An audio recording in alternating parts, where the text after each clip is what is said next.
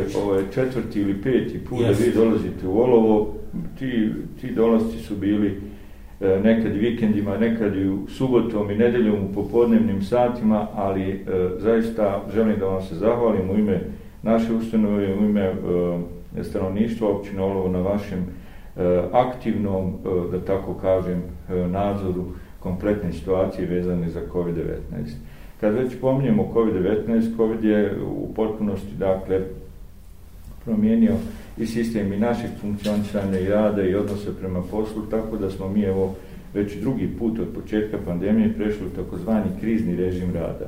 E, drugi put prelazimo u krizni režim rada iz razloga e, e, povećanog broja pozitivnih lica u jednom kratkom vremenskom periodu.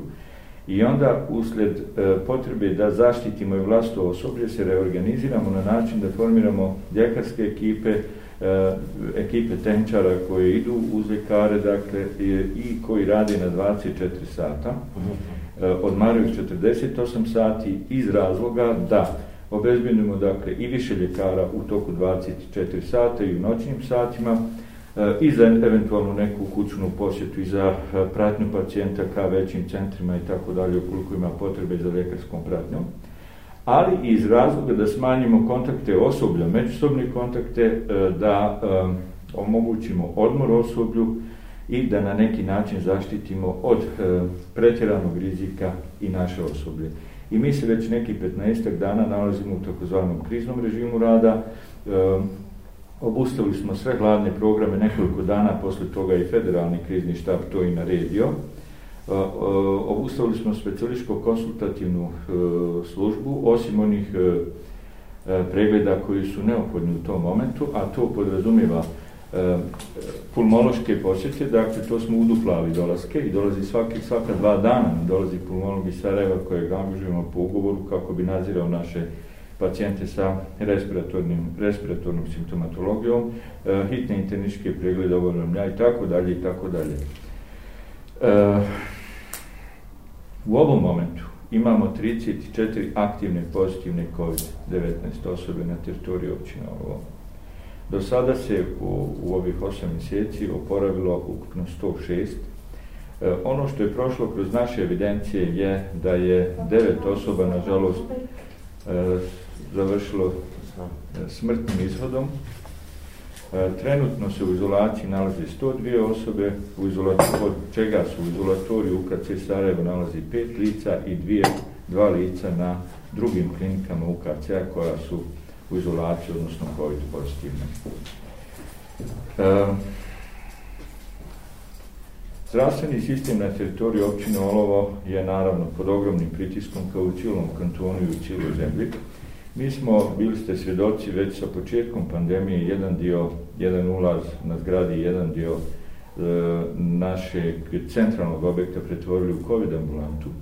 Međutim, sa porastom COVID pozitivnih lica, sa povećanim pritiskom i zahtjevima naših pacijenata, e, bili smo prinuđeni da kompletnu jednu trećinu zgrade, odnosno jedan blok zgrade sa posebnim ulazom pretvorimo u COVID odjeljenje u kojem imamo jednu salu, možemo tu i pogledati posle, u kojem istovremeno možemo za 3, 4 ili 5 lica davati istovremeno terapiju, e, kiselničku potporu i tako dalje, jer smo, nažalost, prinuđeni da sve lakše, odnosno srednje teške e, pacijente oboljele od COVID-19 koje ne zahtijevaju kiselničku potporu, liječimo ambulantno.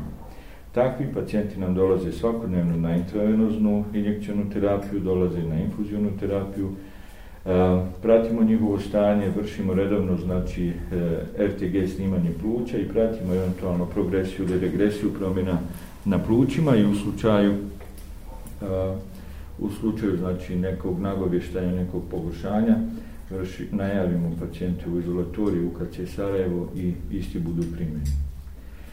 E, tako da, evo, e, ogromna je potrošnja zaštne opreme, ogromne potrošnje i to uspijevamo dakle, iz vlasti sredstava dijelom, jednim malim dijelom e, prihvatit ćete da je e, taj dio donacija koji smo dobili zaštne opreme je zaista nedostatan jer mi dnevno trošimo ogromnu količinu o, i rukavica i zaštnih hiruških maski i odijela, pogotovo odijela jer e, znate da ekipa prilikom transporta pacijenta mora biti kompletno obučena morali smo, ovaj, imali smo jedno COVID vozilo koje je jako staro, e, međutim sa porastom broja oboljelih lica, sa porastom zahtjeva za transporte, kućne posjete i druge transporte e, COVID pozitivnih lica, mi smo čak i drugo vozilo pretvorili u COVID ambulantno vozilo, tako da evo trenutno su dva. E, ono što bi nam trebalo u nekom bliskom vremenu sigurno će zbog povećane potrošnje povećanog korištenja uslijed povećanih zahtjeva za zdravstvenom uslugom lica koja su COVID pozitivna, treba će vrlo brzo jedno novo vozlo, ambulantno vozlo koje, koje bi isključivo za e, potrebe transporta COVID, COVID pozitivnih lica ovaj, obezbirili. E, trenutno se u, iz naše ustanove na bolovanju po osnovi oboljenja COVID-19 nalaze četiri lica, od čega su dva ljekara i dvije medicinske sestre. E, po mojim informacijama oni su u stabilnom zdravstvenom stanju i relativno brzo očekujemo njihovo, očekujemo njihovo, njihov povratak na posao. E, u ovom periodu koristit ću olakšice koje je omogućila uredba o zapošljavanju e, u javnim institucijama Zeničko-Dobojskog kantona smo se pokunili, primili smo jednu doktoricu koja je sa naših krajeva, koja je završila medicinski fakultet i evo ona je u pogonu, da tako kažem pod navodnicima, u pogonu u našoj ustanovi već druga sedmica. E, kako će stanje sa osobljem biti zavisi od razvoja e, pandemije, odnosno epidemije? E, ja sam zagovornik e, strožih mjera, e, Na nekim od mediji sam, medija sam već i prije 15 možda i 20 dana e, e izjavio da je zemlja spremna za varedno stanje, odnosno za stanje elementarne nepogode, odnosno prirodne nesreće i dalje stojim kod toga, jer e, sve je beskorisno i privreda nam je beskorisna, i izbori su nam beskorisni, i političke funkcije su beskorisne ukoliko izgubimo živote. Nama je primarni zadatak spašavati živote i zdravlje, I mislim da u tom smislu treba razmišljati da se eventualno uvode neke možda strožije mjere ukoliko se razvoj pandemije, odnosno epidemije, nastavi u ovakvom obimu. E, pri tome, naravno, će se procijeniti oko šta sa privrednim subjektima, šta sa, sa školskim objektima i tako dalje i tako dalje. Dakle, ova ustanova, da, evo, da, da sumiramo, obići ćemo posle, imat ćete priliku da vidite, ova ustanova za sada e, je vrlo stabilna, e, spremna odgovoriti svim zahtjevima stanovništva sa teritorije za koju smo mi osnovani. Rekao sam vam već da smo dakle otvorili taj odjel koji možemo smatrati nekim praktično stacionarom u kojem dnevni tretman pacijenata obavljamo. Mislim da će nam u tom periodu trebati izmijeniti određene akte ustanove kako bismo i možda promijenili ime ili u tom smislu da to zaokružimo kako propisuju, kako nalažu propisi. E, dakle, mi smo stabilni, e, spremni smo odgovoriti svim zahtjevima, zdravstvenim zahtjevima e, stanovništva naše općine u obimu u kojem smo mi osposobljeni i za nivo zdravstvene zaštite za koji smo mi registrirani. Poseban problem s kojim se susrećemo jeste prilično neodgovoran odnos stanovništva prema naloženim mjerama i preporukama za zaštitu od epidemije. Mi smo imali različitih situacija po mjesnim zajednicama u kojima se obilaze ljudi koji imaju temperaturu, komšilu kompletan obilazi. Mi imamo situaciju u kojima e, porodice kriju da je neko oboli od korone pa se kreću Mi imamo situaciju u kojima ljudi koji su u izolaciji na spisku koji mi evo gledamo svako jutro ovaj, se kreću nesmetano i mislim da u tom smislu i određeni E, i organi u mjesnim zajednicama i, i općinski, ali i policijski bogami organi moraju po, poduzimati određene mjere kako bismo e, kako bismo ovu, ovu pošav stavili pod kakvu takvu kontrolu i dočekali u nekom, evo već postoji naznake određenih vakcina i, i neki možda malo efikasnih lijekova, da dočekamo proljećak ovog da, da, da i da ovo počinje jenjavati i prestajati. U tom smislu e, zahvalni smo Ministarstvu zdravstva prvenstveno na vašoj podršci, podršci kao čovjeka koji se uvijek javi na telefon, koji, e, koji je uvijek raspoložen da u tom smislu djeluje i da, da olakša. E, zahvalni smo vam na svemu onome što ste onim našim sugestijama, pogotovo na početku pandemije koje smo mi slali, koje bi nama olakšali puno, puno rad na terenu, ovaj, što ste na kriznom štabu to prihvatali i ugrađivali u naređenja kriznog štaba i preporuke koje ste donosili. Očekujemo od vas i dalje e, kao resornog ministra, ali i od vlade Zemljsko-Dobarskog kantona i premijera e, Ganča koji nam je također e, vrlo naklonjen, ovaj, očekujemo i u narednom periodu da ćemo dobro sarađivati, da sve probleme, eno vi znate dobro kakvi smo probleme imali oko liječenja naših pacijenata, Sarajevo, Zenca, pa smo eto i uz vašu pomoć i naravno uz pomoć premijera Ganča koja je bila u, tom, u tim slučajima presudna, uspjeli te neke pacijente koji su bili onaj, um, sporni za Sarajevo, smjestu Zencu, završiti te, taj pospak njihovog liječenja, porode i tako dalje i i zaista sam sretan zbog toga i bilo je zadovoljstvo to raditi s vama, naravno vrlo stresno, ali, ali je bilo zadovoljstvo zbog rezultata koji smo zajedno postigli. U narednom periodu očekujemo podršku, dakle, u smislu, e, e, kao što vi rekao ste malo prije, i novčanih sustava za nabavku opreme koja se zaista troši i e, u našoj, odmah da kažem, dakle, da u našoj ustanovi ne, ne postoje ograničenja, ja sam čuo da ljudi u nekim ustanovama imaju ograničenje da mogu iskoristiti jedne rukavice za dan to. Kod nas se zaštna oprema koristi onako kako je to propisano. Zaštna maska treba da se mijenja onako kako to struka nalaže. Rukavice, E, mantili, e, zaštna odjela, sve radimo po pravilima. Ogromna je potrošnja dezinfekcijnih sredstava koja znate i sami jako su skupa. E, ogromna je potrošnja dezinfekcijnog sredstva koji ide u ovaj dezinfekcijni tunel kroz koji ste prošli na ulazu e, goriva, troškova, materijalni i tako dalje. Očekujemo dakle noćnu pomoć i očekujemo evo da, da ćemo sarađivati, ako ništa, bar ono kao i do sada, jeli, da, da, ovaj, da, da pobjedimo ovo što nas je zapisalo. Hvala direktore, ja e, i nisam sumnjao da ću u Domu zdravlja Olovo s obzirom na način rukovodđenja u proteklom periodu, pogotovo sad od e, pojave pandemije COVID-19 da ću zateći drugačije stanje nego što sam zatekao. E, činjenica je da sam ja u par navrata već ne samo u Olovu nego i pod drugim domovima zdravlja pravi ove posjete u smislu kupljenja informacija i onog s čim se ljudi susreću na terenu, jer to je na, jedini način da se stekne kompletan uvid i proba na neki način pomoći u granicama mogućnosti e, koje imamo. Tri, četiri stvari smo ovdje čuli. Vlada Zemčko-Dobojskog kantona na čelu sa premijerom Gančem je jedina institucija koja je u ovom periodu dala kakvu takvu pomoć prema informacijama i podacima koje ja imam. Mi imamo dodatni problem, problem COVID-19 što nam se poklopio sa izbornom godinom. Ja namjerno nisam tio u tom smislu bilo kakve analize praviti, ali ćemo to urati odmah poslije, poslije izbora. Federalna vlada malo, malo pa određenu, neodređenu, veliku količinu sredstava koju mi samo sanjati možemo, dodijeli našim univerzitetsko-kliničkim centrima o kojoj smo mi u COVID-u imali praktično pa nikakvu korist. Praktično pa nikakvu korist.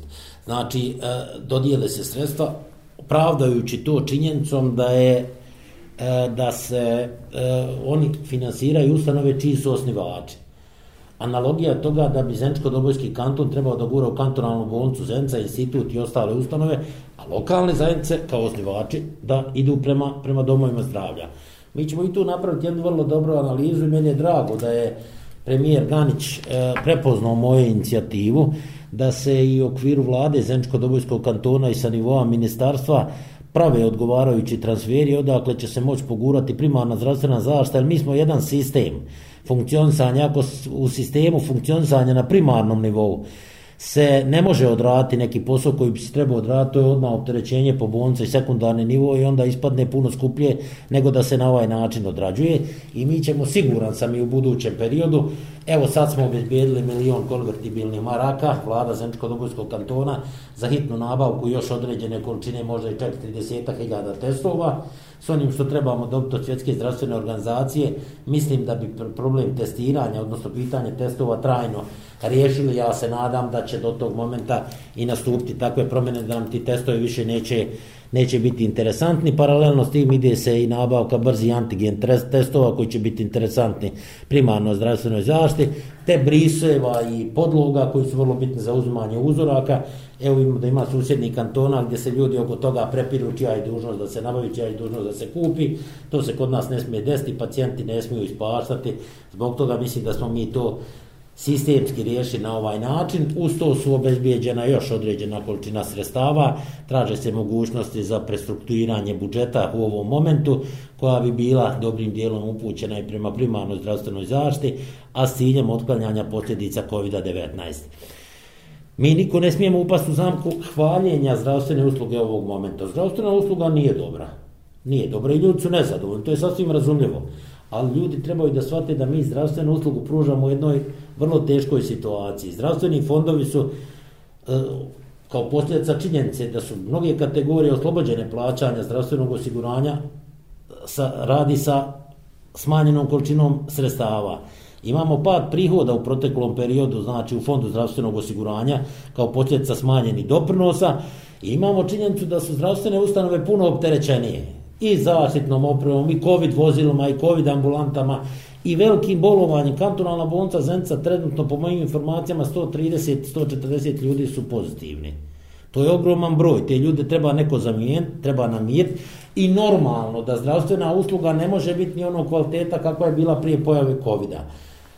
Dobra stvar u tom svemu što naše zdravstvene ustanove nisu i ako Bog da neće ni otići u kolaps. Dogod postoje zdravstveni radnici, jedan, jedan, zdravstvene ustanove će rad i pružat će zdravstvenu uslugu u skladu s onim mogućnostima koje, koje mi imamo. Što se tiče stanja prirodne nesreće, ja uporno ističem da je ovo primarno zdravstveni problem, ali ne zdravstveni problem samo, i da mi kao krizni štab trebamo da idemo savjetodavno.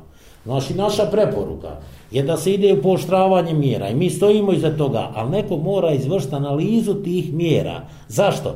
Pa da nam se ne desi Italija, da nam se ne desi Njemačka, da nam ljudi ne izlađu na ulice, šta ćemo s njima? Jel, moramo misliti na mentalno zdravlje, na psihu čovjeka, ljudi su opterećeni već devet mjeseci i tu treba naći neki, neku, neku grancu u svemu tome. Svako zlo za neko dobro. Šta imamo sad? Na početku prvi susreta naši, kad je krenuo COVID, nismo puno znali o tome, nismo puno, puno znali o tome, Nismo imali oboljelih, ljudi su tad bili astigmatizirani, gledani su sa strane. Šta mi imamo sad? Pa mi ćemo vrlo u bolnici imati praktično timove ljudi koji su već prebolovali. Po domovima zdravlja ista situacija. Mi već imamo, ako imamo u Zenčkoj bolnici 200 ljudi koji su bolili, ako imamo još najmanje toliko u susjednim, su, u, u domovima zdravlja i ostalim institucijama, pa mi imamo već 400-500 ljudi koji su prebolovali su na najboljem putu da, da, da savladaju tu bolest. Nažalost, imamo i dva, tri smrtna slučaja koje se direktno povezuju znači, sa zdravstvenim radnicima, uposlenicima u zdravstvu i meni je to posebno žao jer su ljudi a, svoje živote dali a, štiteći druge od ovoga i od onih koji dan danas uzimaju i negiraju ovo sve što se nama dešava. Naše je da ljude liječimo, a potrebu da daju odgovore na ta pitanja, određeni ljudi trebaju potražiti upravo na tim adresama. Znači, kod ljudi koji negiraju ovo sve, koji pametuju dan danas sa dva razda osnovne škole, on sebe uzma za pravo da nekom zdravstvenom radniku koji ima 30 godina zdravstvene škole daje svoje tumačenje COVID-19 epidemiološke situacije. To je jedna katastrofa ali nije svojstvena samo kod nas, to se vjerovatno dešava i na drugim mjestima u svijetu, negdje se ljudi artikuliraju kroz ove procese, ali mi se moramo boriti protiv toga. Šta je još jedna dobra strana u ovom svemu, svako zlo za neko dobro? Mi svaki dan imamo sve više ljudi koji u ovo vjeruje. Svjedoci smo svi da postoje ljudi, on, on se i pretjerano čuva. Pretjerano se čuva. To je stalno maska, to su kavice, nemoj mi prilaziti. Ja imam prilike da se tim ljudima susrećem stane 3 metra od mene, ako ima šta, treba bogat prilaz bliže. To je lijek. Ovaj ko ne vjeruje, nek radi šta god hoće, nažalost, nažalost, kad dođe u tešku situaciju, a, a imali smo primjer, vidite, onda svi vjeruju i svi dolaze u zdravstvene ustanove i zauzimaju, nažalost, mjesto ovim ljudima koji vjeruju i koji se odgovorno ponašaju. Ali naša dužnost kao zdravstveni radnika je bilo bez, bez bilo kakvog astigmatizama pomoć pomoći, pomoći tim ljudima. Znači, već se neke stvari u tom smjeru odvijaju, vakcina će se ako Bog da pojaviti, naše je da čekamo, mi smo mala zemlja, siromašna, ne ulažemo u, u, u istraživački rad, nemamo ni mogućnosti, oslonjeni smo na ove veće što to rade, eto uzdamo se da, da će iz te strane nešto biti i sa nekim minimalnim sredstvima koje mi imamo, sa minimalnim zdravstvenim kadrom. Mi u Zenčko-Dobojskom kantonu, kantonalnom bolnici imamo 15 anestezijologa. 15. Univerzitetsko klinički centri imaju po 50. Od ovih 15 naši je 9 bolesno. Naši je 9 bolesno. I mi radimo od naših šest infektologa, dva su bolesna, a trebali bi imati 80 na kantonu. Ovo govorim da ljudi otprilike budu svjesni situacije da mi igramo nogometnu utakmicu s tri igrača i devet mjeseci držimo neriješen rezultat. I sad neko kaže možda ste mogli još bolje, pa možda i jesmo, ali evo to je taj omjer, mi s tim raspolažemo, mi se s tim borimo i meni je danas je jedino u Zemsko-Dobojskom kantonu upravo ta situacija danas je malo, da su prilično dobri međuljudski odnosi i ta jedna velika sloga je počutovanje velikog broja, velikog broja zdravstvenih radnika, nažalost imaju i pojedinačni slučajevi koji se ne mogu svrstati u te kategorije, koji spadaju prije u kategoriju ovih, što bi možda želili da je situacija kolapsna, da nama ljudi leže mrtvi po ulicama, da ljudi sa infarktom i s moždanim udarima ne mogu biti transportovani u onc pa da kaže evo šta ste napravili. Zemčko-Dobojski kanton ima smrtnost, nažalost, nekih 215 pacijenata do sad. Jedna bogata Belgija koja ih vijekovima ispred nas, znači pod, po tom svemu, oni imaju smrtnost od nekih 120 ljudi na 100.000 stanovnika. Znači, ako prepišemo njihov model ovdje, mi bi imali ovdje praktično 500 do sad mrtvi. Mi imamo 215. Omjer umrlih ljudi u ovih desetak mjeseci ove godine, činjenice da se u zadnja dva mjeseca nešto povećao, mi smo otprilike na nivou smrtnosti iz prošle i pretprošle godine. Znači, situacija je takva kakva jest, nama trenutno veći problem predstavljaju non-covid pacijenti, znači oni koji nisu covid pozitivni, a koji zbog ove situacije reorganizacije zdravstva, činjenice da neki doktor internisti u zemlji trebaju rad u šatoru trijažnom ili pružati usluge covid pacijentima, ne mogu nažalost ostvariti svoje pravo na onako brz način kako bi oni, kako mi to želili. Ljudi se ne mogu opersati onom brzinom i tempom kako bi to struka nalagala da su normalna znači vremena, ali evo mi činimo, dajemo sve od sebe da to napravimo, tako trebamo i nastaviti dalje, nema drugog načina znači da, da se to napravi. Podrška vlade Zenčko-Dobojskog kantona nije izostala, mi moramo biti svjesni ciljenice da je zbog pada prihoda mi imamo pa praktično 70-80, pa možda i do 100 miliona manje prihode u budžet Zenčko-Dobojskog kantona, da bi imamo Bog više, sigurno bi vlada bila i puno izdašnija, izdašnija u tom, u, tome, u, u tom pravcu, a ja već evo kod kreiranja za budžet iduće godine sam dobio neku načelnu spremnost je iskazana da se Ministarstvo zdravstva upravo za ove svrhe na neki način malo favorizira, tako da bi mogli u idućoj godini onoliko koliko ovo dugo potraje izaći u susret i pomoć i zdravstvene ustanove s tim pošteno što sam ja i rekao ako se Bog dom ovo prekine pa ne bude više nama te pare ne bi trebali mi bi te pare vratili da se upotrebe na način za koji imaju svoju prvobitnu namjenu. Evo, to je to, to, to je to ukratko zadovoljan sam znači načinom rada. Ne smijemo upast u zamku faljenja ovoga zdravstva, jer, odnosno trebamo ljudima samo realno predstaviti. Igram s tim i s tim, imam pet maraka, trebam doći ka 20 ljudi na večeru. Pa ne možeš očekivati da ćeš jesti janjetinu, da ćeš jesti ovo, ali evo za pet maraka ću nešto napraviti pa ćemo pojesti, nećemo biti gladni. E tako i ova situacija. Velika požrtovnost zdravstvenih radnika. Evo, drago mi, mislim da smo na putu i da sa sindikatom ostali uposlenika u zdravstvu riješimo riješimo ovaj problem e, kolektivnog ugovora i da ćemo na taj način možda iznaći mehanizme da se automatizmom e, vrijednost satnice u zdravstvu koriguje sa prihodima u fondu. Za očekivati kad se ovo sve smiri da će prihodi biti sve veći i veći, što bi rezultiralo povećanjem plate, ali isto tako preuzeti i odgovornost da će u slučaju pada prihoda, što nam se na početku korone desilo, da će možda jednog momenta i plata biti kresana, ali to je pošten dogovor, transparentan, otvoren i ne može se, ne može se ovaj drugačije ni raditi. Ministarstvo zdravstva će to mu jest obaveza uz organizaciju zdravstvene zaštite u Zemčko-Dobojskom kantonu uvijek biti na strani odpravdanih zahtjeva radnika, borit ćemo se da se popravi pozicija i zdravstvenih radnika i naših osiguranika da imaju kvalitetniju zdravstvenu uslugu.